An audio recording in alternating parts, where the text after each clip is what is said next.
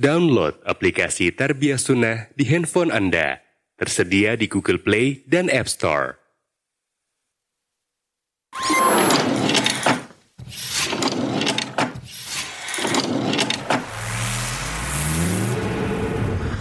Tarbiyah Sunnah Channel Lillah Nyunnah Merenah Hadirin jamaah Masjid Babur Rahman di Buah Batu Regensi Bandung yang Allah muliakan. Baik ikhwan yang sudah tenang ataupun akhwat yang masih ngobrol dan obrolannya terdengar ke sini.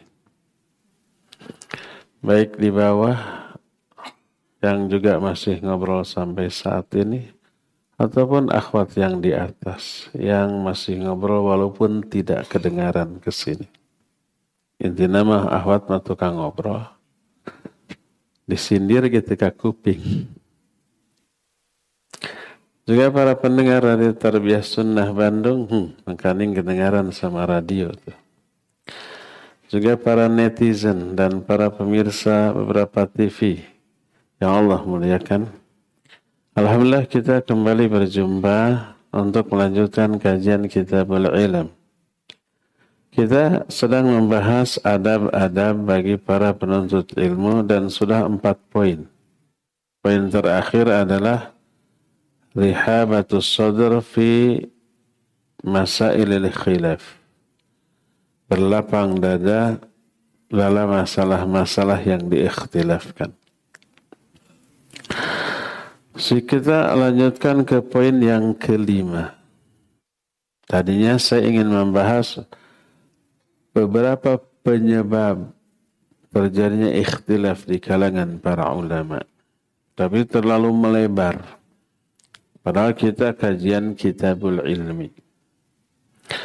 Kita langsung aja ke poin yang kelima. Adab kelima yang harus diperhatikan oleh para penuntut ilmu adalah Al-amalu bil ilm. Mengamalkan ilmu. Penjelasan mengamalkan ilmu ini ada beberapa versi. Semuanya penting.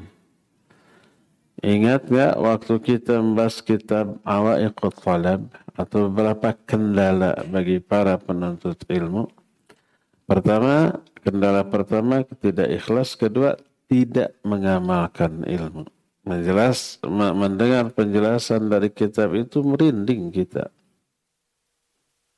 Itu versi yang lain. Ingin kita bahas lagi. Sekarang versi yang diterangkan oleh Syekh Al-Utsaimin rahimahullah sebagai penulis kitabul ilmi ini. Berkata beliau dalam menjelaskan poin ini ayya'mala talibul ilm bi ilmihi aqidatan wa ibadatan wa akhlaqan wa adaban wa muamalatan hadha huwa thamratul ilm wa huwa natijatul ilm. Seorang penuntut ilmu harus mengamalkan ilmunya baik dari aspek akidah ataupun ibadah. Ataupun akhlak. Ataupun muamalah. Ataupun adab. Karena amal itu buah dari ilmu. Dan hasil nyata dari ilmu. Itu adalah amalan. Imam Sufyan Ats-Tsauri rahimahullah menyatakan innama yuta'allamul ilmu liyuttaqallahu bihi. Ilmu itu hanyalah dipelajari sebagai alat untuk bertakwa kepada Allah. Dengan cara diamalkan, baru ketakwaan itu akan teraih. Wa hamilul ilmi kal hamil lisilahihi imma lahu wa imma alaih.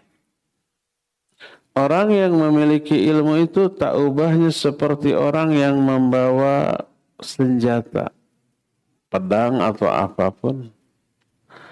Bisa menyelamatkan dia, bisa mencelakakan dia. ilmu yang kita pelajari bisa membuat kita selamat dari azab Allah, bisa membuat kita celaka terkena azab Allah. Tergantung apa? Nah, lihat Nabi SAW bersabda, Al-Quran hujjatan lak au alaik.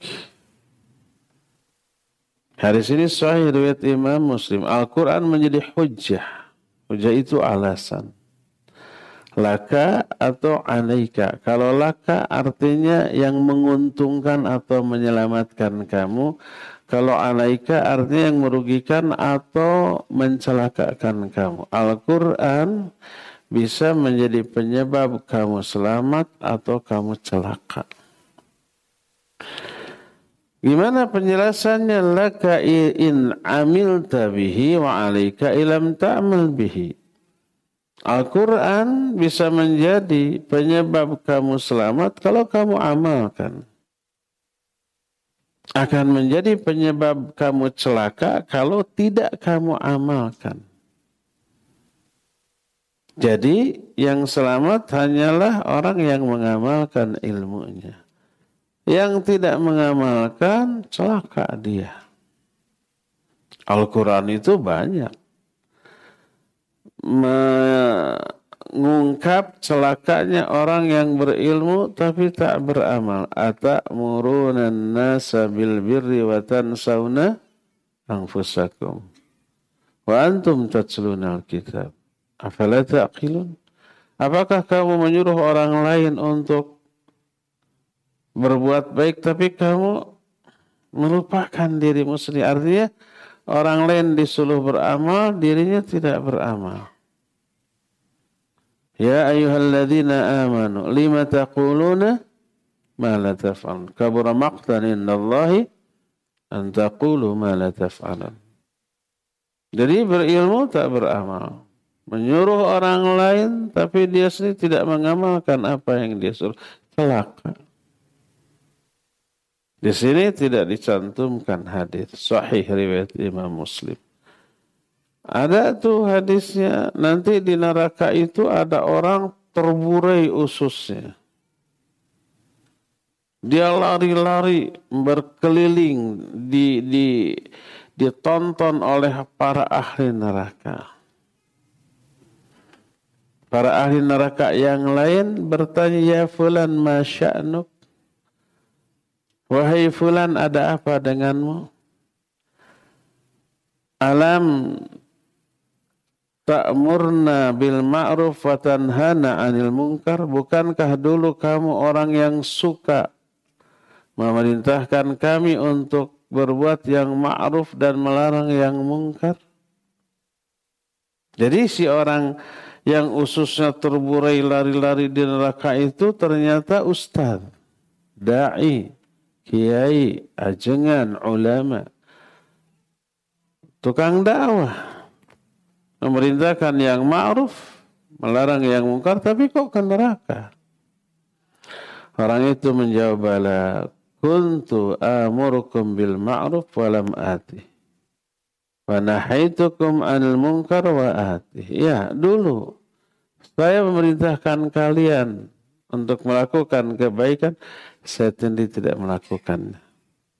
Saya melarang kalian dari kemungkaran, saya sendiri masih melakukan diadab seperti itu waliyadzubillah ya Inilah yang dimaksud Al-Qur'anu hujjatan lak au alaik. Al-Quran menjadi hujjah, menjadi alasan yang menyelamatkan kamu kalau Al-Quran ini diamalkan. Atau yang mencelakakan kamu kalau Al-Quran yang kamu fahami ini tidak diamalkan. Jadi tuntutan bagi orang berilmu besar. Tapi jangan kepikiran kalau begitu mah nggak mau belajar ah. Biar tidak terkena kewajiban mengamalkan ilmu kan ada orang yang mikir begitunya. Saya mah takut belajar, takut tidak mau mengamalkan, takut tidak mampu mengamalkan dosa. Sama rukna te belajar te dosa. Sebenarnya kita punya dua kewajiban. Kewajiban belajar ilmu dan kewajiban mengamalkan ilmu. Kalau orang belajar tapi tidak mengamalkan, dia dapat pahala belajar, dapat dosa tidak mengamalkannya. Kalau orang tidak belajar, otomatis tidak mengamalkannya, dosanya tikal dua. Tah. Berlipat dua, dosa tidak mau belajar, dosa tidak mengamalkan. Walau mau belajar, mau tidak beramal, maka tetap wajibnya enggak. Makanya ada seorang datang ke Abu Hurairah radhiyallahu an, "Uridu an ata'allam al-ilma wa akhafu an udhayyi'ahu." Aku ingin belajar ilmu, tapi aku takut menyia-nyiakannya. Makanya nggak mau belajar. Ingin sih, tapi nggak mau ah. Takut ilmu yang sudah saya pelajari saya sia-siakan dengan cara tidak diamalkan. Apa kata Abu Hurairah? Kafa bitarkika lahu tadhi'an. Cukuplah dengan kamu tidak mau mempelajari ilmu itu menyia-nyiakan ilmu. Bahkan menyia-nyiakan ilmu yang paling besar adalah tidak mau mempelajarinya. Jadi tetap kita wajib belajar. Setelah belajar wajib beramal. Demikian juga wajib mengamalkan apa yang sahih dari Nabi Ali Shallallahu Wasallam dengan cara membenarkan semua berita yang sampai dari beliau melaksanakan hukum-hukumnya. Bila datang berita dari Allah dan Rasulnya, benarkanlah berita itu. Percayai, imani, dan terima dengan sepenuh hati. Jangan sampai mengatakan, kenapa begitu, bagaimana ini, dan seterusnya. Karena itu bukan gaya hidup seorang mukmin. Lihat Bagaimana sikap seorang mukmin ketika ada nas Al-Quran atau hadis Nabi Shallallahu Alaihi Wasallam yang diterangkan dalam Al-Ahzab 36, wa makana li mu'minin wala mu'minatin idza qada wa rasuluhu amran ay yakuna lahumul khiyaratu min amrihim. Wa may ya'sillaha wa rasulahu faqad dhalla dhalalan mubina. Tidaklah pantas bagi seorang mukmin laki atau perempuan, ikhwan ataupun akhwat. Bila Allah dan Rasulnya telah menetapkan sesuatu, mereka memilih pilihan lain dari urusannya. Ini ada ketetapan Allah, ketetapan Rasulnya, nggak digubris. Mereka memilih alternatif lain. Gak pantas tuh. Maksiat. Durhaka. Makanya di akhir ayat ini, wa may ya'sillaha wa rasulah. Siapa yang durhaka maksiat kepada Allah dan Rasulnya, faqad dhalla dhalalan mubina. Dia telah sesat dengan kesesatan yang nyata. Para sahabat zaman bahula Apabila Nabi Ali Shallallahu Wasallam berbicara kepada mereka dengan perkara-perkara yang kadang-kadang tidak masuk akal, dianggap aneh,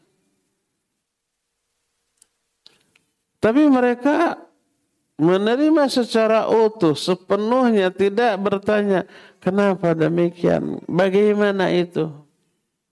Berbeda dengan orang-orang zaman kiwari kita lihat apabila Nabi SAW menyampaikan satu hadis yang membuat akal mereka heran, mereka itu mengkritisi. Bukan mengambil petunjuk dari sabda Nabi SAW tersebut. Mereka menyatakan ini sikap kritis kita. Sampai kan ada yang menyatakan, saya pernah ketika ngaji ada pertanyaan, ya Ustadz, nampaknya semua hadis itu perlu dikritisi lagi. Ada waktu saya masih muda ya, sekarang juga sebenarnya masih muda. Ketika masih SMA atau mahasiswa gitu ya, saya pernah mahasiswa dulu. Itu ada buku studi kritis hadis. Isinya apa? Isinya adalah mempertanyakan keabsahan kebenaran hadis-hadis Nabi Sallallahu Alaihi. Dikritisi mereka bilang. Suatu saat saya ada pengajian ya Ustaz, banyak hadis yang harus dikritisi ulang. Saya jawab, semua hadis sudah dikritisi oleh ahlinya. Semua hadis, nggak ada hadis yang tidak dikritisi dan oleh ahlinya, oleh ahli hadis dikritisi dari berbagai macam aspek, aspek sanad, aspek rawinya, aspek matanya semua sudah dikritisi dan sudah ada kesimpulan ini sahih, ini hasan, ini dhaif, ini maudhu sudah dan oleh ahlinya. Sekarang kalau yang Anda maksud yang mengkritisi kita eh, yang mengkritisi hadis itu kita tahu dirilah. Punya kemampuan enggak untuk mengkritisi hadis itu.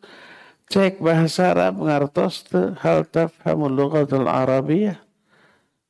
Bisa paham nggak bahasa Arab? Bisa nggak ngomong bahasa Arab? Paling bisa ini uhibbuka. Hanya itu saja. Bahasa sama dengan bahasa Jerman cuma satu kalimat ikhli bedih. I love you. Wo aini. Cuma begitu saja kan. Yang lainnya tidak bisa. Apa definisi dari hadis? Duka. Eh, yang begitu mau mengkritisi hadis. Sama dengan orang awam tentang mesin nggak bongkar mobil. Bisa nggak bongkarnya? Bisa. Tapi awut-awutan nggak bisa masang lagi. Jadi yang Anda maksud mengkritisi mengkritisi hadis itu menolak kebenaran hadis itu. Ini bertolak belakang dengan Al-Quran. Cuma menolak hadis dikemas dengan bahasa yang keren. Mengkritisi hadis. Yang mengkritisinya orang yang bodoh tentang hadis. Kita jawab, semua hadis sudah dikritisi, sudah diperiksa. Oleh siapa? Oleh ahlinya, para ulama ahli hadis. Nah, sebagai contoh umpamanya ketika Rasul Shallallahu Alaihi Wasallam ini yang menyebabkan kenapa orang begitu ada hadis yang tidak masuk akal itu dikritisi dikritisi untuk ditolak bukan untuk mengambil petunjuk. Akhirnya terhalanglah dia dari taufik dari hidayah berakhir dengan menolak hadis itu. Betapa banyaknya orang yang menolak hadis apabila Idza waqa'ad dubab fi ahadi inaikum kalau ada lalat yang nyemplung di minuman kamu, celupkan lalat itu. Buang lalatnya, minum airnya. Karena di satu sayap ada penyakit, di sayap lainnya ada ada obat. Hadis ini sahih. Banyak orang nanti dulu kita tanya dulu ke dokter bener nggak kan gitu ya? Sampai ada tuh seorang bukan ulama sih, tapi cendekiawan muslim tingkat dunia. Asli dari Mesir, tapi pindah ke Qatar. Terkenal namanya kalau saya sebut antum pasti tahu. Dia menyatakan saya lebih percaya kepada dokter kafir daripada kepada hadis ini. Sampai begitu. Oh kalau begitu Nabi sembarangan ngomong gitu. Kalau Allah menyatakan wa mayantiqu anil hawa in إلا وحي يوحى Contoh kata Syekh al -Uthaymin. ketika Nabi Ali sallallahu wasallam bersabda yanzilu rabbuna ila samai dunya hina yabqa thuluthul lailil akhir fayaqul man yad'uni fastajib lah wa man yas'aluni fa'atiyah wa man yastaghfiruni fa'aghfir lah Kata Nabi Allah Azza wa Jalla turun ke langit dunia ketika tersisa sepertiga akhir malam. Jam 2 gitu. Allah turun ke langit dunia. Lalu Allah berfirman, berkata, siapa yang berdoa kepadaku di saat ini, aku aku akan ijabah doanya. Siapa yang meminta kepadaku di saat ini, aku akan berikan permintaannya. Siapa yang meminta ampun kepadaku di saat ini, aku akan beri ampunan. Hadis ini sahih bahkan sebagian ulama menyatakan mutawatir. Allah turun ke langit dunia. Oleh Nabi SAW dikatakan kepada sahabat, Nggak ada satupun sahabat yang mengangkat lisannya dengan mengatakan, Ya Rasulullah bagaimana Allah turun? Ketika Allah turun, arasnya kosong apa tidak? Kan Allah istiwa di atas arasnya. Tak ada seorang pun sahabat yang begitu. Padahal para sahabat orang yang sangat cerdas dan kritis.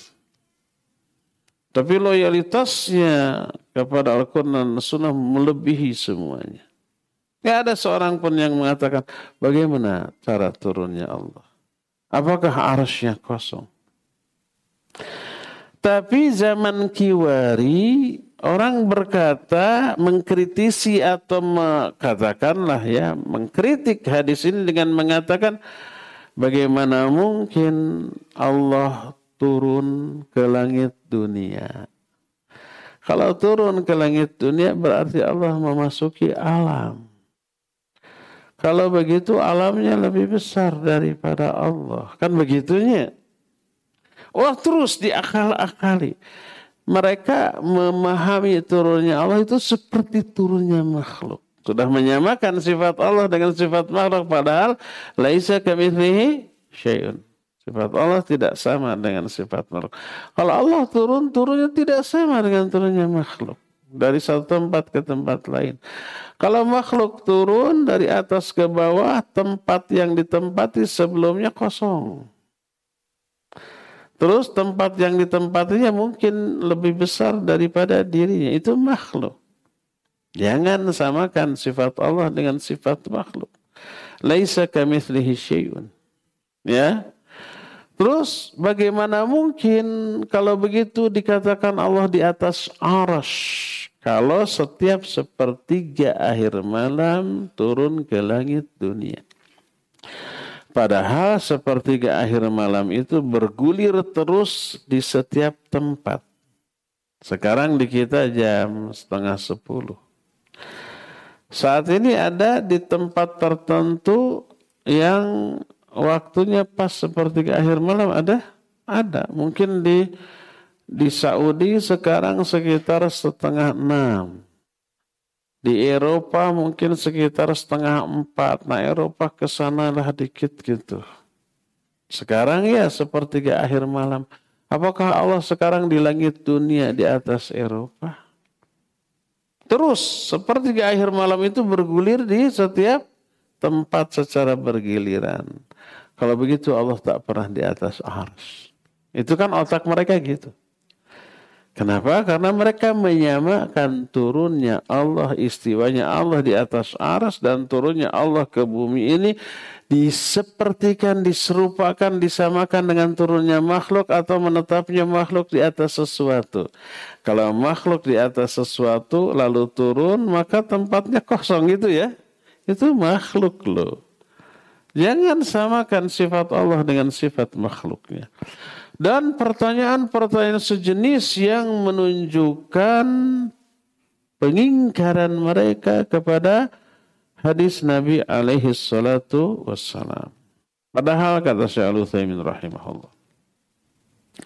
Walau annahum talaqaw hadzal hadis bil qabul wa qalu inna Allah azza wa jalla mustawin ala arsyih wal من لوازم ذاته وينزل كما يشاء سبحانه وتعالى dan dafa'at anhum hadhi syubah wa lam yatahayyaru fima akhbarahumun nabi sallallahu alaihi Seandainya mereka menerima hadis ini sepenuh hati lalu berkata Allah istiwa di atas ars karena ketinggian zatnya dan Allah turun ke bumi sebagaimana yang dikehendakinya dengan cara yang tidak sama dengan cara turunnya makhluk, cara istiwanya makhluk, maka akan tertolaklah syubhat ini dan mereka tidak akan kebingungan, keheranan tentang apa yang diinformasikan oleh Nabi SAW tentang Allah Subhanahu wa taala.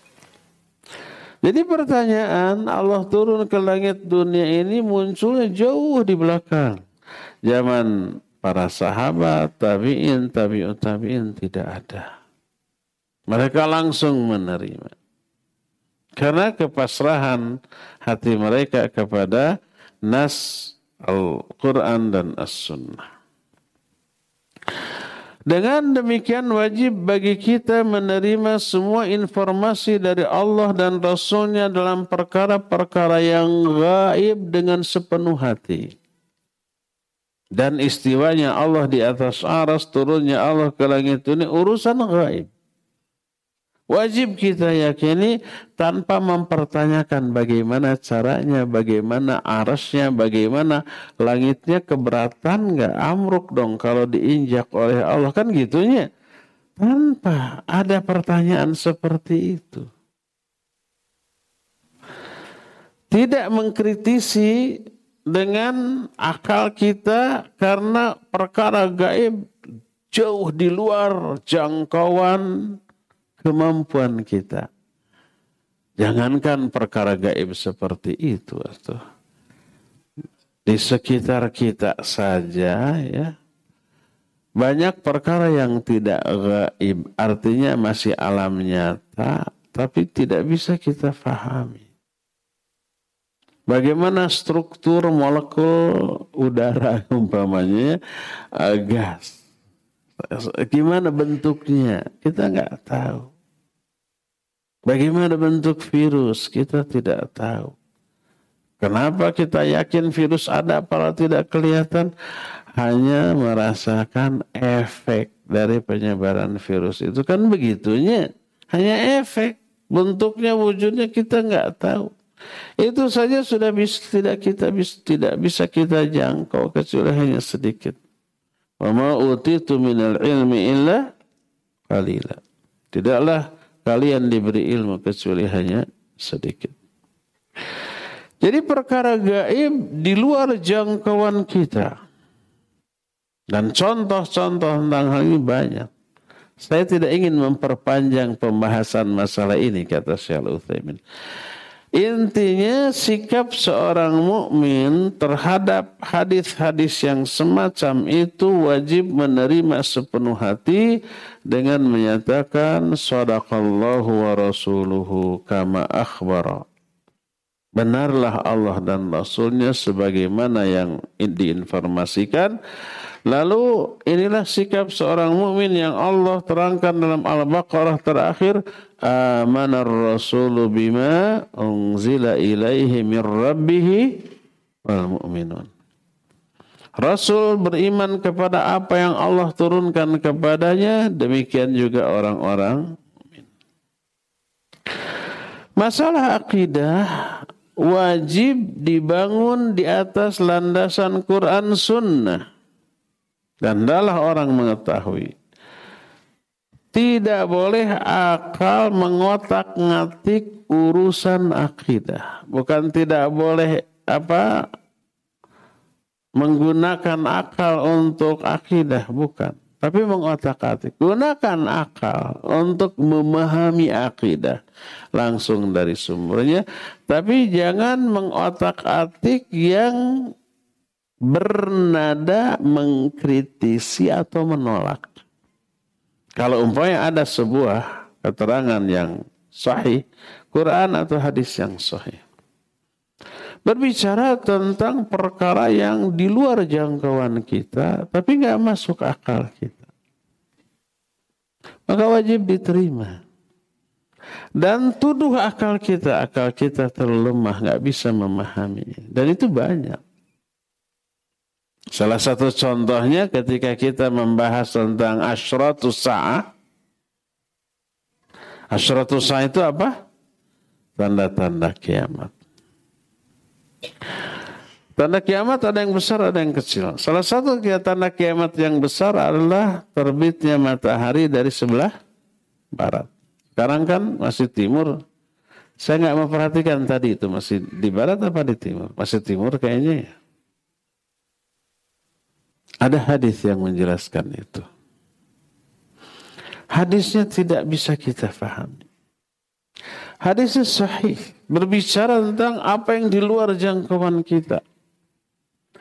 Ketika matahari ter, ter, terbit apa terbenam? Ngerelap Terbenam. Nabi SAW bertanya, Atadruna aina dhahabatis syams? Kalian tahu nggak ke mana perginya matahari? Kok tenggelam gitu? Para sahabat menyatakan Allahu wa Rasuluhu a'lam. Cacak mau mobilan mendigandengnya, kalau mau mobilnya tuh. Padahal mobil budak. Lumayan supaya budaknya tidak sedih, tidak kecewa. Tapi kita tidak terganggu. Maknya tidak salah. ya Anak tidak salah deh. Sana tuh salah yang bikin mau mobilan. Itu salah oge kita. Tahu nggak kalian ke mana matahari pergi? Para sahabat menjawab Allah dan Rasul yang lebih tahu. Kata Nabi SAW, sesungguhnya matahari pergi sampai dia tiba di bawah ars Allah. Kemudian matahari itu sujud selama waktu yang dikehendaki oleh Allah. Lalu kata Allah, Idhab ila ma kunta tashriqa bil ams. Pergilah kamu ke tempat yang tadi kamu terbit. Akhirnya matahari pergi lagi ke tempat tadi atau kemarin dia terbit di sebelah timur lagi. Begitu seterusnya. Matahari sujud di bawah ars. Sampai suatu waktu pas mendekati akhir zaman kata Allah Azza pergilah kamu ke tempat kamu biasa terbenam. Maka matahari pun pergi dan terbit dari sebelah barat. Itu menjelang akhir dari kehidupan di dunia menjelang apa? Kiamat. Coba ini hadis sahih. Bagaimana kita memahaminya? Matahari kok sujud di bawah ars kepada Allah Azza wa Jalla. Ini jauh di luar jangkauan kita. Akal tidak bisa memahaminya. Dari sini lahir dua pendapat di kalangan para ulama. Sebenarnya ma'atuh bumi ini terdatar apa bulan? Dan hadis ini dijadikan sebagai dalil oleh sebagian ulama yang menyatakan bumi ini datar. Dan banyak nas Al-Quran dan hadis yang lain. Tapi masalah apakah bumi berdatar bulat masalah yang diikhtilafkan di kalangan para ulama di zaman bahula sampai sekarang. Syekhul Islam Ibn Taimiyah menyatakan datar, iya. Imam Ibnu Abdul Bar juga menyatakan ini datar. Syekh bin Baz rahimahullah menyatakan ini datar. Ada yang menyatakan ini bulat, ada banyak. Zaman Kiwari Syekh Al-Albani rahimahullah ta'ala. Saya ketika Syekh Al-Albani dikatakan ya Syekh, menurut Syekh bin Baz, bumi ini datar. Apa jawab beliau? Semoga beliau yaitu Syekh bin Baz berbicara atas dasar ilmu geografi yang beliau miliki. Ini urusan bukan urusan syariat. Urusan ilmu geografi. Gitulah. Ini ikhtilaf zaman bahula, ikhtilaf sampai zaman sekarang. Biarkan itu dalam keikhtilafannya. Kita nukil pendapat ini, pendapat itu dengan dalil, oke. Okay. Agar orang tahu ini ikhtilaf jangan ribut, jangan saling menyalahkan, jangan saling menyesatkan. Boleh kita berpegang teguh kepada pendapat yang lebih kita yakini, ihtiram kepada yang tidak kita yakini. Walaupun pembicaraan masalah ini menjadi kesempatan bagi orang yang tidak suka secara personal kepada dai tertentu. Antum mungkin pernah nggak menerima kiriman cuplikan video di sana ada saya, ada Ustadz Syafiq, ada Ustadz Firanda, ada Ustadz-Ustadz eh, sunnah lain yang menyatakan bumi ini datar. Kemudian dijadikan itu sebagai candaan, sebagai bahan celaan. Malah di sana ada saya pernah dapat uh, pendakwah Abu Haidar menyatakan yang tidak percaya bumi ini datar ini kafir, gitu kan? Ada. Saya pernah dikirimi saya bilang tidak begitu. Itu dipotong itu untuk memojokkan, untuk menyudutkan. Dan lihat komen di bawahnya, uh hujatan semua. Itu yang membuat saya senang. Dosa-dosa saya murudul gitu. Dasar wahaboy tolol, wah macam-macam lah gitu ya. Pada itu kita berbicara masuk ketika merengkan ikhtilafnya para ulama. Hanya dipotong saja. Yang menyatakan siapa yang tidak percaya bahwa bumi itu datar kufur, syibin bas di antara. Bukan perkataan saya hanya menyampaikan. Tapi itu salah satu pendapat. Pendapat ulama lain yang berbeda banyak. Udah biarkan. Terus pendapat saya eh, cenderungnya ke mana? Nggak penting cenderung ke mana. Nah saya mah apa? Udah para ulama sudah ada rujukannya, ikuti mereka. Abaikan pendapat para ustadz. Begitu saja. Jadi banyak perkara gaib yang di luar jangkauan akal kita. Bagaimana akal kita kita gunakan untuk merespon hal itu? Wajib kita percayai dan wajib kita tuduh akal kita tidak mampu untuk menjangkaunya. Itu adalah masalah akidah.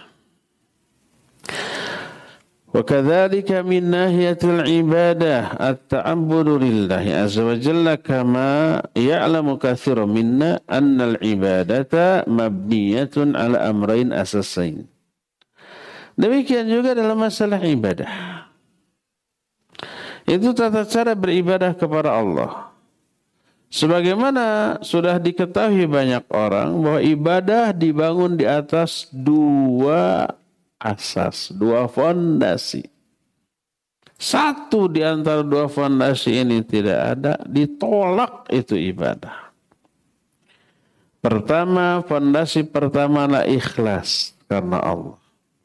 Siapa yang ibadah karena selain Allah, Maksud karena Allah sudah kita terangkan maksudnya melakukan ibadah untuk meraih apa pun yang Allah janjikan untuk orang yang beribadah tadi. Apa yang Allah janjikan? Pahala, ampunan, surga, dibebaskan dari mereka, rahmatnya, keriduannya, eh, kecintaannya. Terkadang iming-iming dunia ya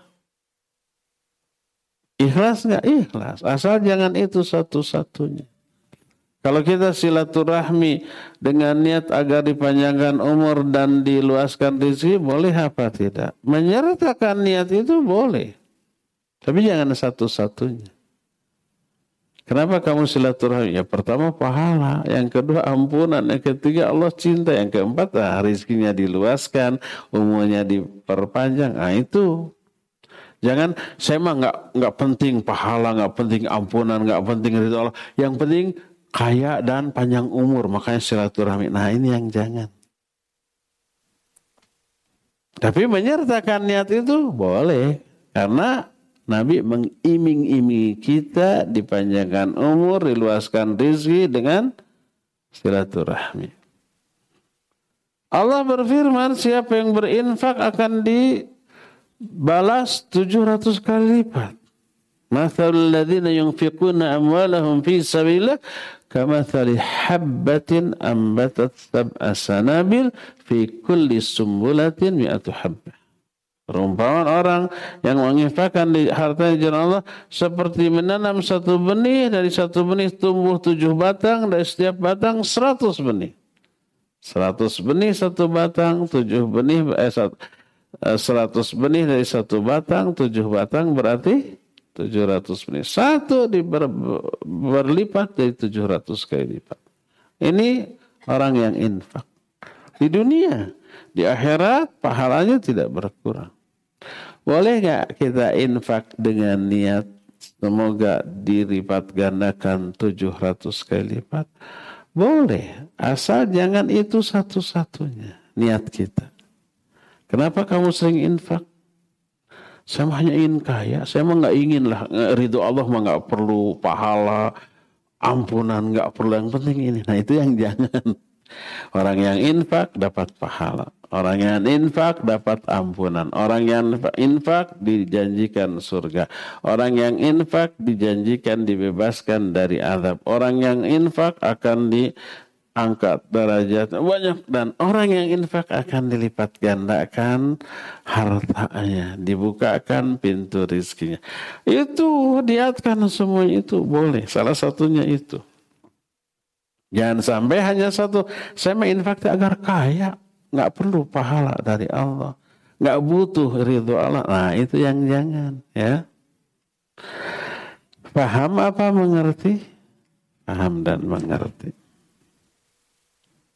Jadi pertama ibadah dibangun atas asas yang paling pokok yaitu ikhlas. Siapa yang tidak ikhlas ingin memper beramal tapi ingin memperoleh dunia, beramal ingin kaya, beramal ingin dikenal, beramal ingin dipuji, maka itu keluar dari zona keikhlasan, tidak ikhlas. Ini fondasi pertama. Fondasi kedua mutaba'ah lir Rasul sallallahu alaihi wasallam. Mengikuti Rasul sallallahu alaihi wasallam dan melaksanakan ibadah yang kita lakukan tersebut. Hendaklah seorang melakukan ibadah berdasarkan keterangan dari Allah dan Rasulnya tidak mengada-adakan kebidahan dalam agama yang bukan bagian dari agama tersebut. Baik dalam masalah pokok ibadah, tata cara ibadah, dan seterusnya. Apa yang tidak diamalkan di zaman Nabi berarti bukan bagian dari agama. Imam Malik menyatakan apa yang tidak menjadi bagian dari agama di zaman Nabi SAW tidak akan pernah menjadi bagian dari agama ini sampai kiamat. Catat dua poin. Apa yang tidak dilakukan oleh Nabi dan para sahabatnya di zaman itu berarti bukan bagian dari agama. Dan apa yang bukan menjadi bagian dari agama di zaman itu tidak akan pernah menjadi bagian dari agama ini sampai hari kiamat. Ada orang yang menyatakan, oh para sahabat banyak yang mengada-adakan amalan tanpa contoh dari Nabi dan oleh Nabi dipuji. Ada yang begitu? Ya ada. Contohnya umpah ketika sami Allahu liman hamidah. Ya. Hamdan kathiran tu tayyiban dan seterusnya. Itu doa tidak diajarkan oleh Nabi, tapi oleh sahabat dibaca. Kata Nabi SAW, siapa yang berdoa iktidal tadi? Tidak ada yang ngaku. Lalu Nabi SAW menyatakan, aku melihat para malaikat berebut mencatatkan. Ada sebagian orang menyatakan ini contoh boleh mengada-adakan cara ibadah yang baik yang tidak diajarkan oleh Nabi Shallallahu Alaihi Wasallam. Bidah ya bidah tapi hasan. Itu masuk sebagai sunnah karena ada apa isbat dari Nabi Shallallahu Alaihi Wasallam. Ada legitimasi dari Nabi SAW bahwa itu benar. Silakan amalkan. Nah, apakah semua sahabat yang berkata atau beramal di luar yang diajarkan dibiarkan oleh Nabi? Tidak. Ada sahabat yang ditegur. Mengatakan sesuatu oleh Nabi ditegur. Karena itu keliru. Itu mengandung unsur syirik. Tapi syirik kecil. Ketika seorang sahabat berkata, Masya Allah wa syi'ta. Oh ditegur. La taqul Masya Allah wa syi'ta. Walakin kul Masya Allah wahdah. Jangan kamu katakan Masya Allah wa syi'ta. Artinya, Masya Allah wa syi'ta ter, ter, tergantung kehendak Allah dan kehendak engkau ya Rasulullah. Jangan kamu katakan itu. Ini salah, keliru. Tapi katakan, Masya Allahu saja. Tanpa saja. Masya Allah. Jangan ditambah dengan wasyita. Karena ini menyamakan kehendak Allah dengan kehendak makhluk. Kehendak Allah dengan kehendak Rasul sallallahu alaihi wasallam ditegur. Teguran Nabi SAW kepada para sahabat yang mengatakan sesuatu, mengamalkan sesuatu, lalu ditegur karena salah banyak. Adapun yang dikukuhkan, oke okay, amalkan. Berarti sunnah, namanya sunnah takririyah. Sunnah itu kan ada tiga ya. Sunnah qauliyah, fi'liyah, dan takririyah. Qauliyah itu ucapan Nabi SAW. Fi'liyah itu uh, perbuatan Nabi SAW. Takriyah itu ucapan atau perbuatan sahabat di hadapan Nabi dan dibiarkan atau didukung. Nah itu sunnah. Termasuk sunnah Nabi. Adapun sekarang ucapan perbuatan sahabat yang tidak dibiarkan oleh Nabi bahkan ditegur banyak. Nah sekarang kita mengada-adakan tambahan yang tidak diajarkan oleh Nabi SAW. Bagaimana kita yakin bahwa tambahan ini akan dianggap baik oleh Nabi SAW? Di zaman Nabi dan para sahabat tidak ada, dan diadakan sekarang. Lalu dianggap bagian dari agama ini. Bagian dari agama ini tapi tidak diamalkan oleh Nabi dan para sahabat. Bagaimana bisa? Nanti orang semau-maunya mengadakan tambahan-tambahan lalu di, di, dianggap bagian dari agama ini. Oh, akhirnya Islam ini nambah ajarannya nanti. Di zaman Nabi dan para sahabat tidak ada, sekarang diadakan gitunya dianggap bagian dari agama ini lalu disebut dengan cap bid'ah hasanah. Iya sih bid'ah mereka ngaku, tapi ini kan baik. Disebut bid'ah hasanah. Dalilnya apa? Dalilnya tuh sahabat ada yang membikin-bikin zikir dan oleh Nabi dipuji. Iya kalau ada pujian dari Nabi, iya betul. Itu berarti sunnah, sunnah takririyah. Ya. Adapun tambahan yang kita tambahkan zaman kiwari, dari mana kita yakin bahwa Nabi akan membiarkannya? Itulah yang disebut dengan muta mutaba'ah. Penjelasan saya ini uh, penerangan dari perkataan Syekh Al-Utsaimin dalam kitab ini. Kata beliau, "Falau anna ahadan athbata syai'an min al-asbab li'ibadatin ta'budullaha biha duna dalilin radadnahu alaihi dhalik." وقلنا إن هذا غير مقبول لأنه لا بد أن يثبت بأن هذا السبب لتلك العبادة Wa illa falaysa bimakbulin minhu. Walau anna ahadan syara'a syai'an min al-ibadat lam ya'ti bihi syara' aw ata bihi abi syai'in warada bihi syara' lakin ala hayatin ibtada'aha aw fi zamanin ibtada'aha qulna innaha mardudatun alaik. Seandainya ada seseorang menetapkan sesuatu sebab untuk melakukan ibadah, dia beribadah kepada Allah dengan cara itu. Tanpa dalil kita tolak. Kita katakan ini tidak bisa diterima. Karena mau tidak mau untuk menetapkan bahwa ini sebab untuk melakukan ibadah itu harus ada dalil.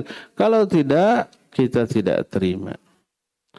Seandainya seorang menetapkan syariat sesuatu dari ibadah yang tidak ditetapkan oleh syariat, atau ditetapkan oleh syariat tapi dengan cara-cara yang diada-adakan atau waktu yang diada-adakan kita katakan ditolak. Kalau Syekh uh, Ali Hasan Al-Athari mengarang sebuah kitab judulnya Ilmu Usulil Bid'ah. Beliau menjelaskan bid'ah itu ada dua. Bid'ah haqiqiyah, bid'ah idhafiyah. Bid'ah hakikiyah adalah kebidahan yang tidak ada asalnya. Ibadah tersebut sama sekali tidak ada asalnya di zaman Nabi, para sahabat, para uh, ulama tabi'in dan tabi'ut tabi'in. Nggak ada di, di zaman itu pengamalannya diada-adakan sekarang. Maka itu disebut bid'ah hakikiyah. Seperti perayaan-perayaan hari-hari besar Islam. Yang dianggap bagian dari agama ini. Adapun bid'ah idhafiyah adalah kebidahan yang berupa amalan yang disyariatkan tapi dilakukan bukan pada tempatnya, bukan pada waktunya. Contoh apa? Contoh azan. Azan disyariatkan? Ya. Kapan? Ketika datang waktu sholat, mengajak waktu sholat. Ketika azan diamalkan, dilakukan bukan untuk memanggil waktu sholat. Di waktu lain maka ini bidah idhafiyah. Ada orang sekarang azan tapi bukan untuk manggil sholat ada? Kapan? Di kuburan. Untung mayitnya tidak bangun. Aduh, sok gerak komat. Kalau rabur. Ketika apa lagi? Ketika mau berangkatkan haji ya. Diantar dengan azan. Azannya disyariatkan. Tapi dilakukan bukan pada waktunya, bukan pada tempatnya. Ini yang disebut dengan bid'ah idhafiyah. Ini salah satu contoh dan contoh-contoh yang lainnya banyak. Nah, jadi dua jenis kebidahan ini adalah sama-sama dihukumi bid'ahnya. Karena apa? Karena dua-duanya keluar dari apa yang dicontohkan oleh Nabi alaihi salatu wassalam. Oleh karena itu berkata para ulama innal asla fil ibadat al khadar hatta yaqum dalil ala masyru'iyatihi. Pada asalnya hukum ibadah itu haram terlarang sampai datang dalil yang mensyariatkan. Ini kaidah usul fiqih ini ma'ruf di kalangan para tulabul ilm apalagi para ustad para ki. Al aslu fil ibadati at-tahrim hatta yaquma fihi dalil. Pada asalnya hukum ibadah itu haram sampai datang dalil yang memerintahkannya. Ketika ada orang awam tuh nggak ngerti bahasa Arab, nggak pernah belajar ilmu fikih, ilmu usul fikih, kaget. Nggak benar ini kaidah kan asalnya ibadahnya wajib. Karena ada ayatnya, "Wa khalaqtul jinna wal insa illa liya'budun." Jadi hukum asal ibadah wajib. Kok ini ada kaidah hukum asal ibadah haram? Ini orang bodoh tapi agul ku kabodohan kabodohan teh ditemong-temong kabatur. Saya ingat salah satu dosen saya suka ngomong begitu tuh. Rahimahullah. Pernah dengar Pak Endang Saifuddin Ansori? Rahimahullah. Beliau sudah meninggal. Beliau dulu dosen saya. Jadi kalau ada mahasiswa yang uh, salah dalam berbicara, mi agul ku kabodohan. Bukan kabodo tadi temong-temong gak batur gitu ya. Jadi kalau dalam berdialog gitu, ya, dia mengemukakan dalil yang konyol itu ngomongnya begitu. Agulku kabodohan eta kabodo di tembong-tembong. Kayak orang tadi, ini kaidah nggak benar maka hukum asal ibadah haram kan ibadah asalnya wajib. Ini orang nggak paham. Maksud hukum asal ibadah itu haram adalah tata cara ibadah dan jenis ibadah awalnya haram. Contoh salat, salat haram. Derwayaki salat umpamanya tiga rakaat. Haram. Salat apa? Ah, salat itu dah salat ibadah. Sampai datang dalil yang memerintahkan baik wajib atau sunnah. Ah, ada perintah salat yang lima waktu wajib. Ada datang perintah sholat duha sunnah. Ada datang perintah sholat tahajud sunnah. Ada datang uh, dalil perintah tentang tahiyatul masjid, rawatib, dan itu sunnah. Selain yang tidak diperintahkan, haram. Sok jam segini, sholat lima rakaat. Sholat, sholat, sholat itu pokoknya sholat mah ibadah. Haram. Tidak ada perintah. Itu maknanya. Ya. Bukan ibadah secara umum dengan makna umum kepada Allah. Bukan begitu ya. Ibadah kepada Allah wajib. Tapi maksudnya adalah jenis ibadah, waktu dan caranya hukum asal haram. Karena ibadah kepada Allah wajib, cara beribadah kepada Allah harus berdasarkan aturan dari Allah bukan semau kita. Caranya, isi doanya, waktunya bukan menurut semau kita, tapi Allah yang bikin. Allah menyatakan wajib kalian ibadah, tah cara ibadah yang benar yang aku inginkan begini, waktunya uh, waktu ini, caranya begini, doanya begini. Itu tuh maksudnya. Cara-cara, waktunya, jenis ibadahnya, hukum asal haram. Tidak boleh ditetapkan oleh manusia. Ditetapkan oleh Allah melalui Rasulnya alaih salatu wassalam. Nah itu maknanya demikian. Allah berfirman yang menjadi dalil adalah surah Asy-Syura ayat 21. Am lahum syuraka'u syara'u lahum minad din ma lam ya'dhan bihillah. Apakah mereka punya sekutu-sekutu yang membuat syariat-syariat berupa agama bagi mereka yang tidak Allah izinkan? Jadi ada selain Allah yang membuat syariat berupa agama tanpa izin Allah. Allah tegur, nggak boleh itu. Pernah saya bilang, jangankan orang biasa, Nabi SAW aja diancam kalau bikin syariat tanpa izin Allah hanya dari istihad pribadi beliau lalu diaku ini ajaran Allah oleh Allah diputus tuh urat lehernya. Nabi diancam begitu. Sebagaimana dalam surah Al-Haqqah ayat 44 sampai 48. Allah berfirman, walau taqawwala alaina ba'd al-aqawil la akhadna minhu bil yamin thumma laqata'na minhu al-watin fama minkum min ahadin anhu hajizin Seandainya dia Muhammad SAW mengada-ada sebagian perkataan atas nama kami, akan kami pegang dia dengan tangan kanan kami, lalu akan kami putus urat lehernya.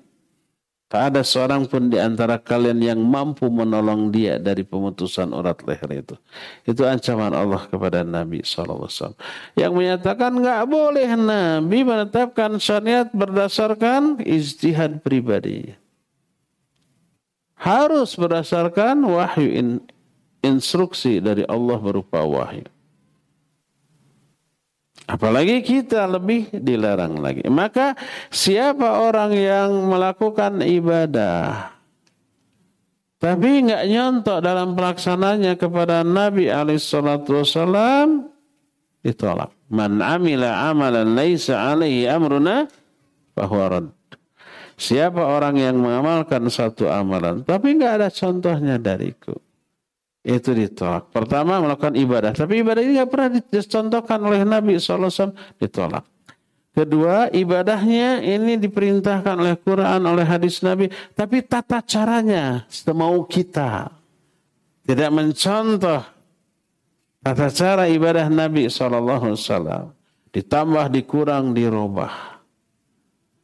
Maka ini juga tertolak.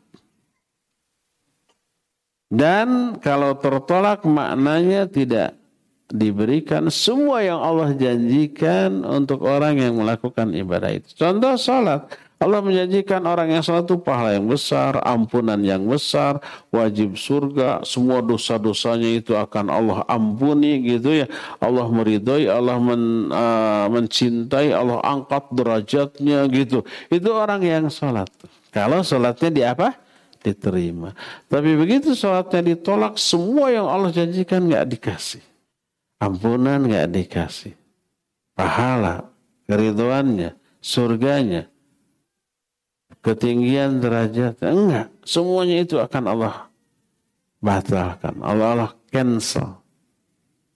Jadi sudah capek sholat, nggak kepake. Baru yang di pakai. Karena diadab. Fawailul lil musallin. alladzina hum an salatihim alladzina hum yura'un dan seterusnya ya. Ini dalam masalah ibadah. Maka wajib dalam masalah ibadah beribadahnya itu sesuai dengan tuntunan dari Rasul Sallallahu Alaihi Wasallam selain ikhlas di dalam hal niat. Siapa orang yang tidak memenuhi satu di antara dua syarat itu, atau dua-duanya, ya tidak ikhlas, ya tidak nyunnah, wah tambah ditolak. Maka ditolaklah ibadah tersebut. Inilah dua asas dalam ibadah. Dalam akidah, harus berdasarkan ilmu Quran dan Sunnah sehingga pengamalan dari akidah kita benar. Dalam ibadah juga harus diambil berdasarkan Quran Sunnah sehingga pengamalan dari ibadah kita ini benar. Demikian juga dalam tiga hal yang lain. Tiga hal yang lain itu tadi dalam hal akhlak, dalam hal adab, dalam hal muamalah, wajib didasarkan pada ilmu. Jadi semua yang kita miliki dari agama ini aspek akidahnya, aspek ibadahnya, aspek akhlaknya, aspek adabnya, aspek muamalahnya itu merupakan pengamalan dari ilmu. Aplikasi nyata dari apa yang Allah terangkan dalam Quran Sunnah berupa sumber ilmu. Kita baru menjelaskan dua poin, akidah dan ibadah. Nanti untuk akhlak, adab, dan muamalah kita akan lanjutkan di pertemuan yang akan datang. Sekarang cukup sampai di sini saja dulu dan kita masih punya sisa waktu untuk bertanya jawab wa sallallahu ala nabiyina Muhammadin wa ala alihi wa ashabihi wasallam. Kalau ada yang mau nanya langsung boleh, tidak langsung juga boleh. Mangga.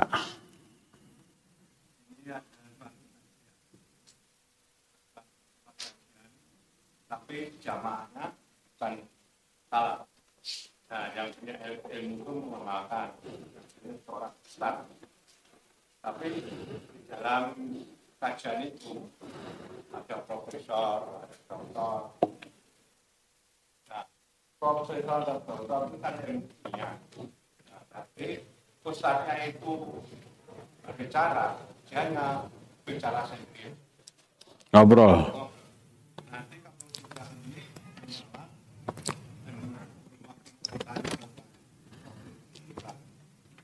Pulang itu sebagai asistennya. Tahu sendiri, hampir-hampir si pulang itu ini berbahaya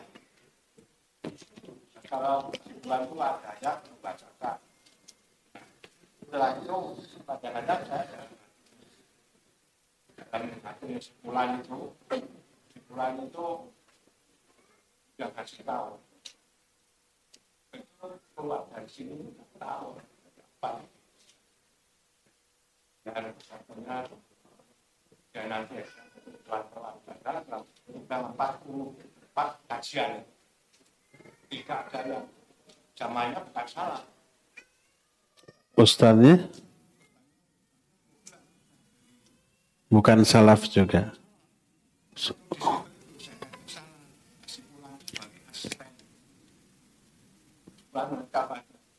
Ini jiklan dibaca satu ini baca dan simpulan bacakan semurah itu tidak dengar dan malah ngobrol sama kiri kanan Pas tanya jawab ngedebat. Yang menerangkan dari cipta. Lalu mengadakan pertanyaan seperti begitu. Pertanyaannya apa? Ini laporan atau mau bertanya?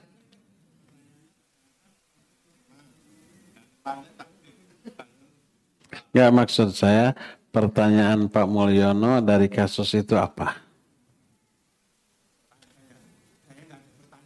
Oh laporan aja.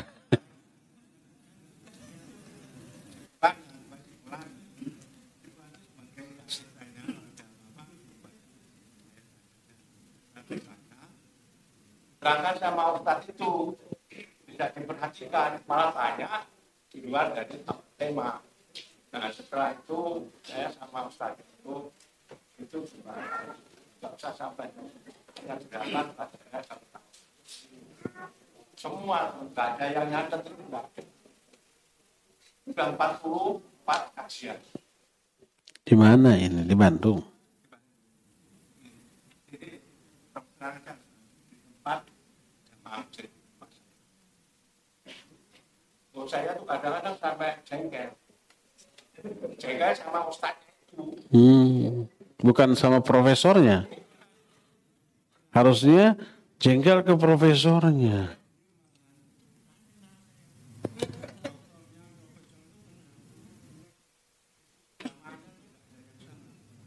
Kecuali cipukan sama ustaznya. Ustaz bagaimana itu? Oh ini pertanyaan bagaimana itu? Berarti ada pertanyaannya. Bagaimana? Ya begitu. apa baik apa enggak gitu ya. Kita sudah yang saya ingat ya, sudah dua kali kedatangan uh, Syekh yang dua-duanya pernah mengadakan tabligh akbar di Masjid Al-Ukhuwah. Siapa Hisham ya? Pertemuan terakhir ada pertemuan khusus dengan asatidah. Kalau yang pertama saya hanya hadir di rumah makan Cibiuk waktu itu karena ada pulang dari Subang jadi nggak sempat ngobrol panjang. Yang kedua ini sempat ngobrol panjang. Nah di sesi tanya jawab saya bertanya ini di bawah khusus para ustadz jadi tidak diterjemahkan dengan bahasa Arab. Saya bertanya kepada syekh itu. Saya itu sebenarnya lebih muda dari saya. Tapi ilmunya kan lebih tinggi. Minimal ilmu bahasa Arabnya. Syekh kadang-kadang kita ini terjebak kepada satu keadaan yang mengharuskan kita diskusi dengan orang yang berbeda akidah, berbeda manhaj. Atau kadang-kadang ada tantangan debat terbuka. Hayu siap ketemu. gitu, gitu kan. Secara terbuka. Beberapa kali pernah kita layani. Tapi tak ada sesuatu pun yang berakhir maslahat. Semua berakhir madarat. Itu data itu tidak saya ungkapkan ke saya. Itu hanya saya bertanya. Kadang-kadang kita diundang untuk munakosha diskusi dengan yang berbeda manhaj, berbeda akidah gitu ya. Bagaimana apa kita layani apa tidak? Sebab apa? Kenapa saya nanya begitu? Pertama sering kejadian. Yang kedua, kita tahu para ulama kita melayani debat. Syekh Al-Albani rahimahullah debat dengan orang tokoh ikhwan muslimin sampai tiga hari tiga malam. Kemudian taslim dia. Si orang itu wahwa ma'ana al Dia sekarang bersama kita, berguru kepada Syekh Al-Alban. Ulama-ulama zaman dulu, kenal kan Imam Ibn Qayyim rahimah. Dulu beliau seorang sufi. Bertemu dengan Syekhul Islam Ibn Taimiyah. Ada diskusi debat, mengakui keilmuan lalu menjadi muridnya. Berguru kepada Syekhul Islam Ibn Taimiyah dan mengakui serta memuji segala hal tentang Ibn Taimiyah.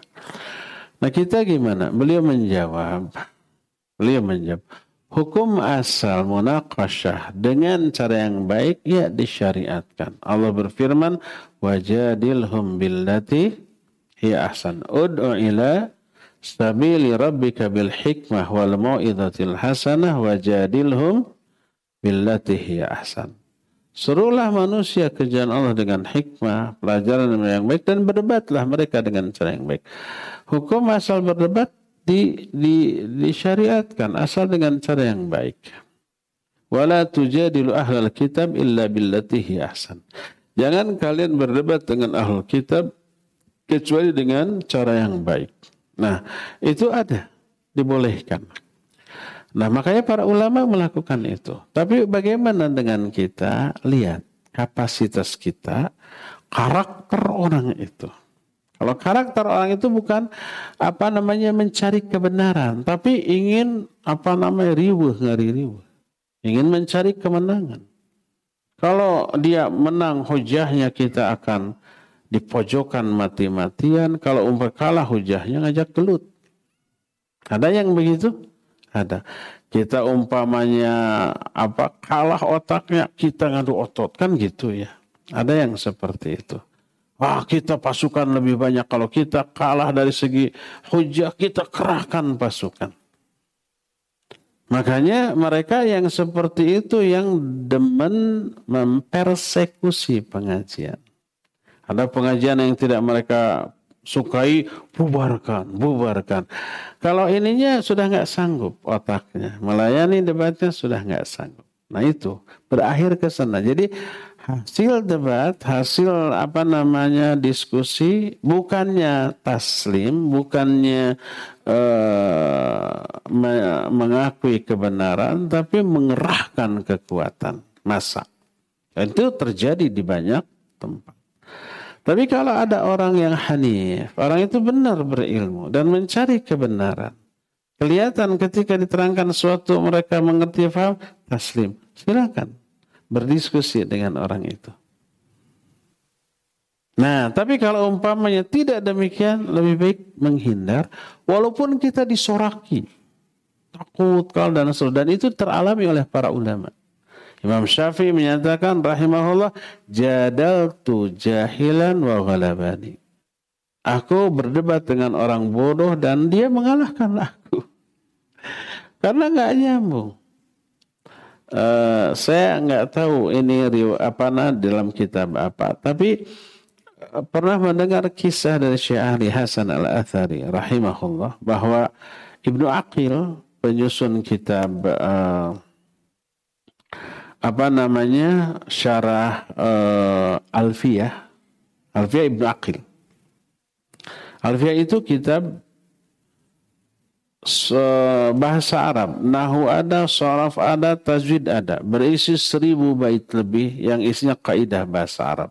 Ini menjadi rujukan utama di seluruh dunia tentang bahasa Arab. Nahu soraf dan tajwid juga ada di sana. Menjelang akhir hayatnya beliau pulang, mau pulang ke kampungnya. Di tengah jalan waktu Jumatan, sholat di sebuah masjid, Kelihatan imam ini salah baca karena beliau ahli bahasa Arab. Kemudian ditegur berdua karena begitulah eh, akhlak salaf ketika menegur nggak boleh di hadapan orang banyak berdua. Eh dia malah menggusur tangan beliau ini ke tengah umat. Ini orang mau mengajak debat saya. Apa pertanyaan? Bingung ini orang. Akhirnya beliau bertanya, "Ma huwa makhrajul alif?" Apa atau di mana makhraj alif? Tempat keluarnya huruf alif. Gimana cara mengeluarkan huruf alif? Dia nggak paham dengan pertanyaan itu, tapi jawabannya alif, ba, ta, ta. Terus disebut huruf hijaiyah sampai iya. Gak nyambung antara pertanyaan dengan jawaban. Pengikutnya sorak, wih ini guru kita hebat, hebat. Coba. Mau bisa dialog gimana lagi dengan orang bodoh sebenarnya akhirnya beliau meninggalkan orang ini. Ibnu Malik ini mengelua, uh, meninggalkan orang ini udah nggak nggak ada manfaat disorakin, wih kalah, kalah. begitu. Biarkan. Kalah itu kalah berhujah karena tidak nyambung gitu ya. Bukan karena hujah dia benar, tapi nggak nyambung dengan isi pertanyaannya.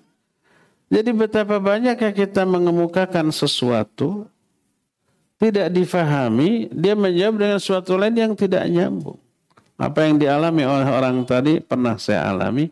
Awal-awal kita dakwah tahun 90-an, ada yang ngajak dia loh di sebuah universitas swasta di daerah Buah Batu. Saya datang, orang itu lulusan Madinah. Tapi manhajnya haroki.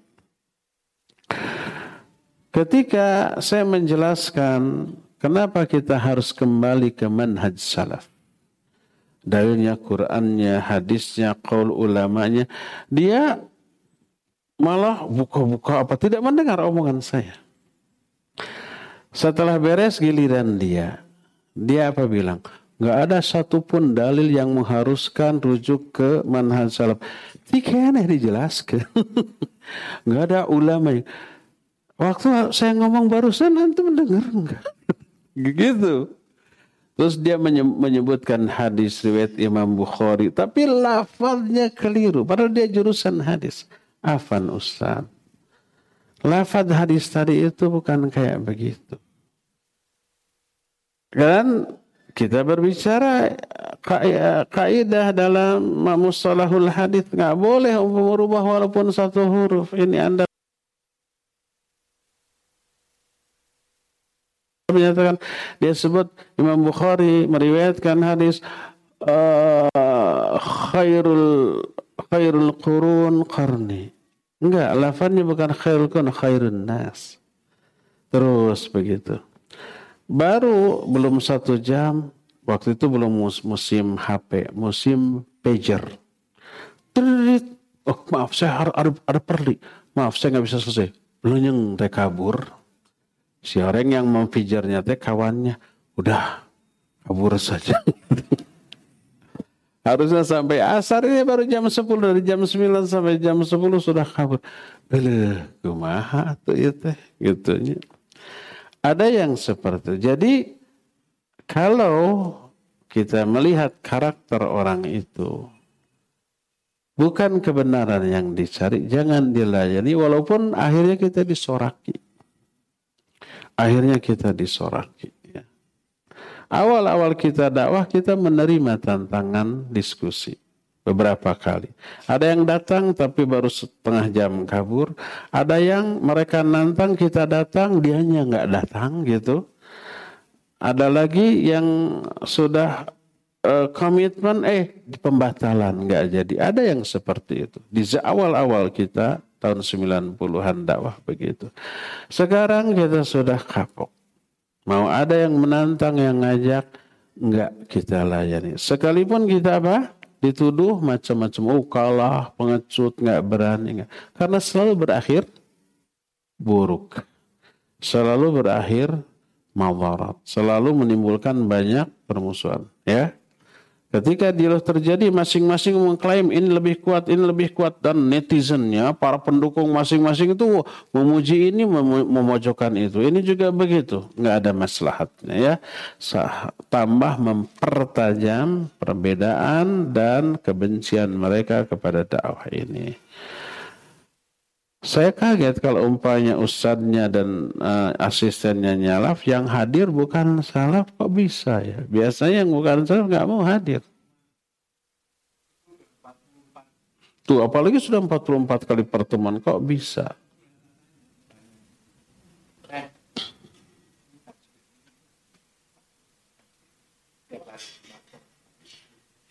dari Bekasi, memang jauh orangnya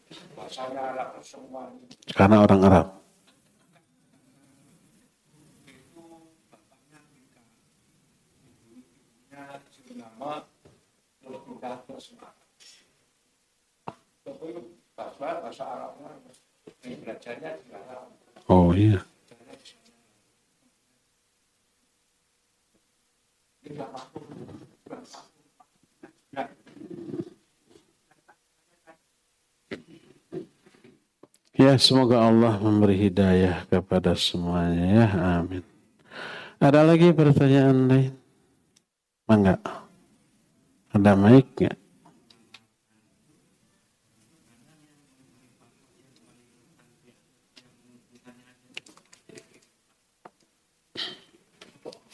Pertanyaannya apa? Boleh enggak gitu? Atau laporan juga? Laporan ada orang yang hanya mencari fatwa yang menguntungkan dirinya saja.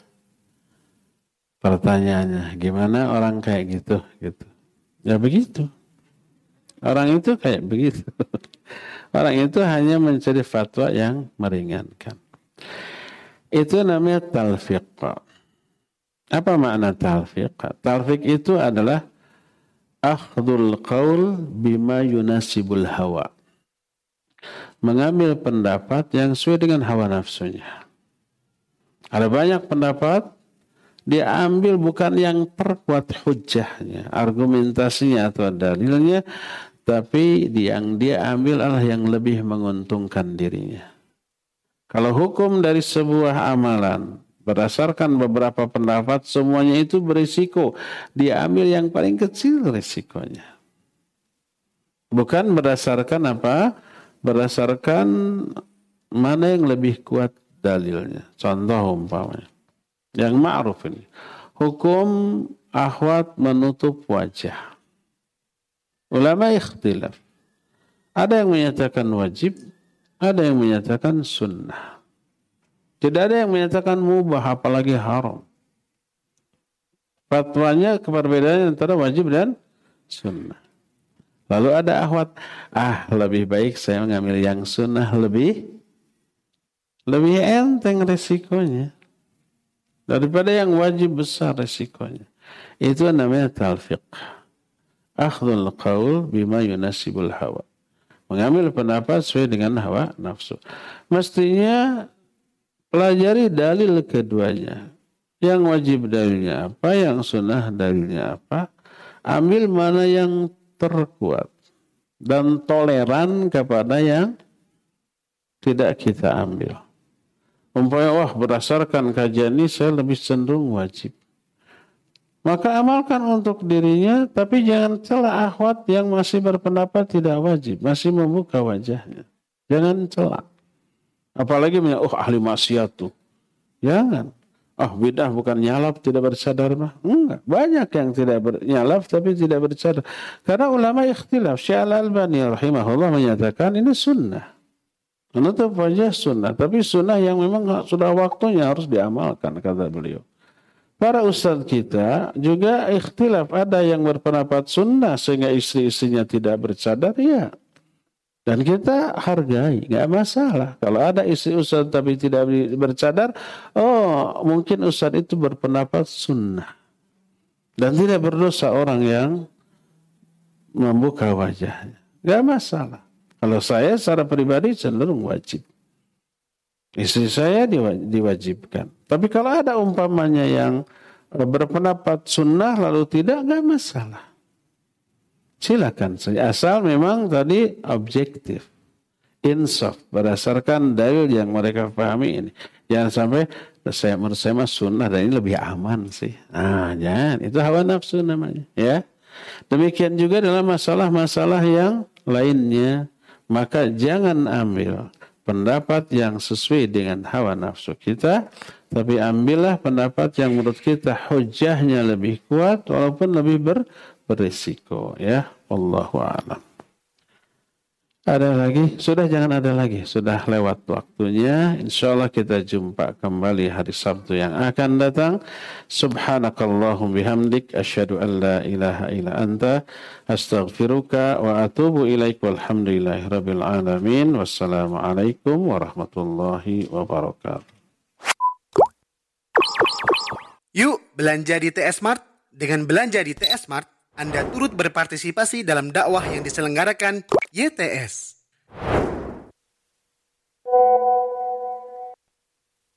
Load aplikasi Tarbiyah Sunnah di handphone Anda. Tersedia di Google Play dan App Store.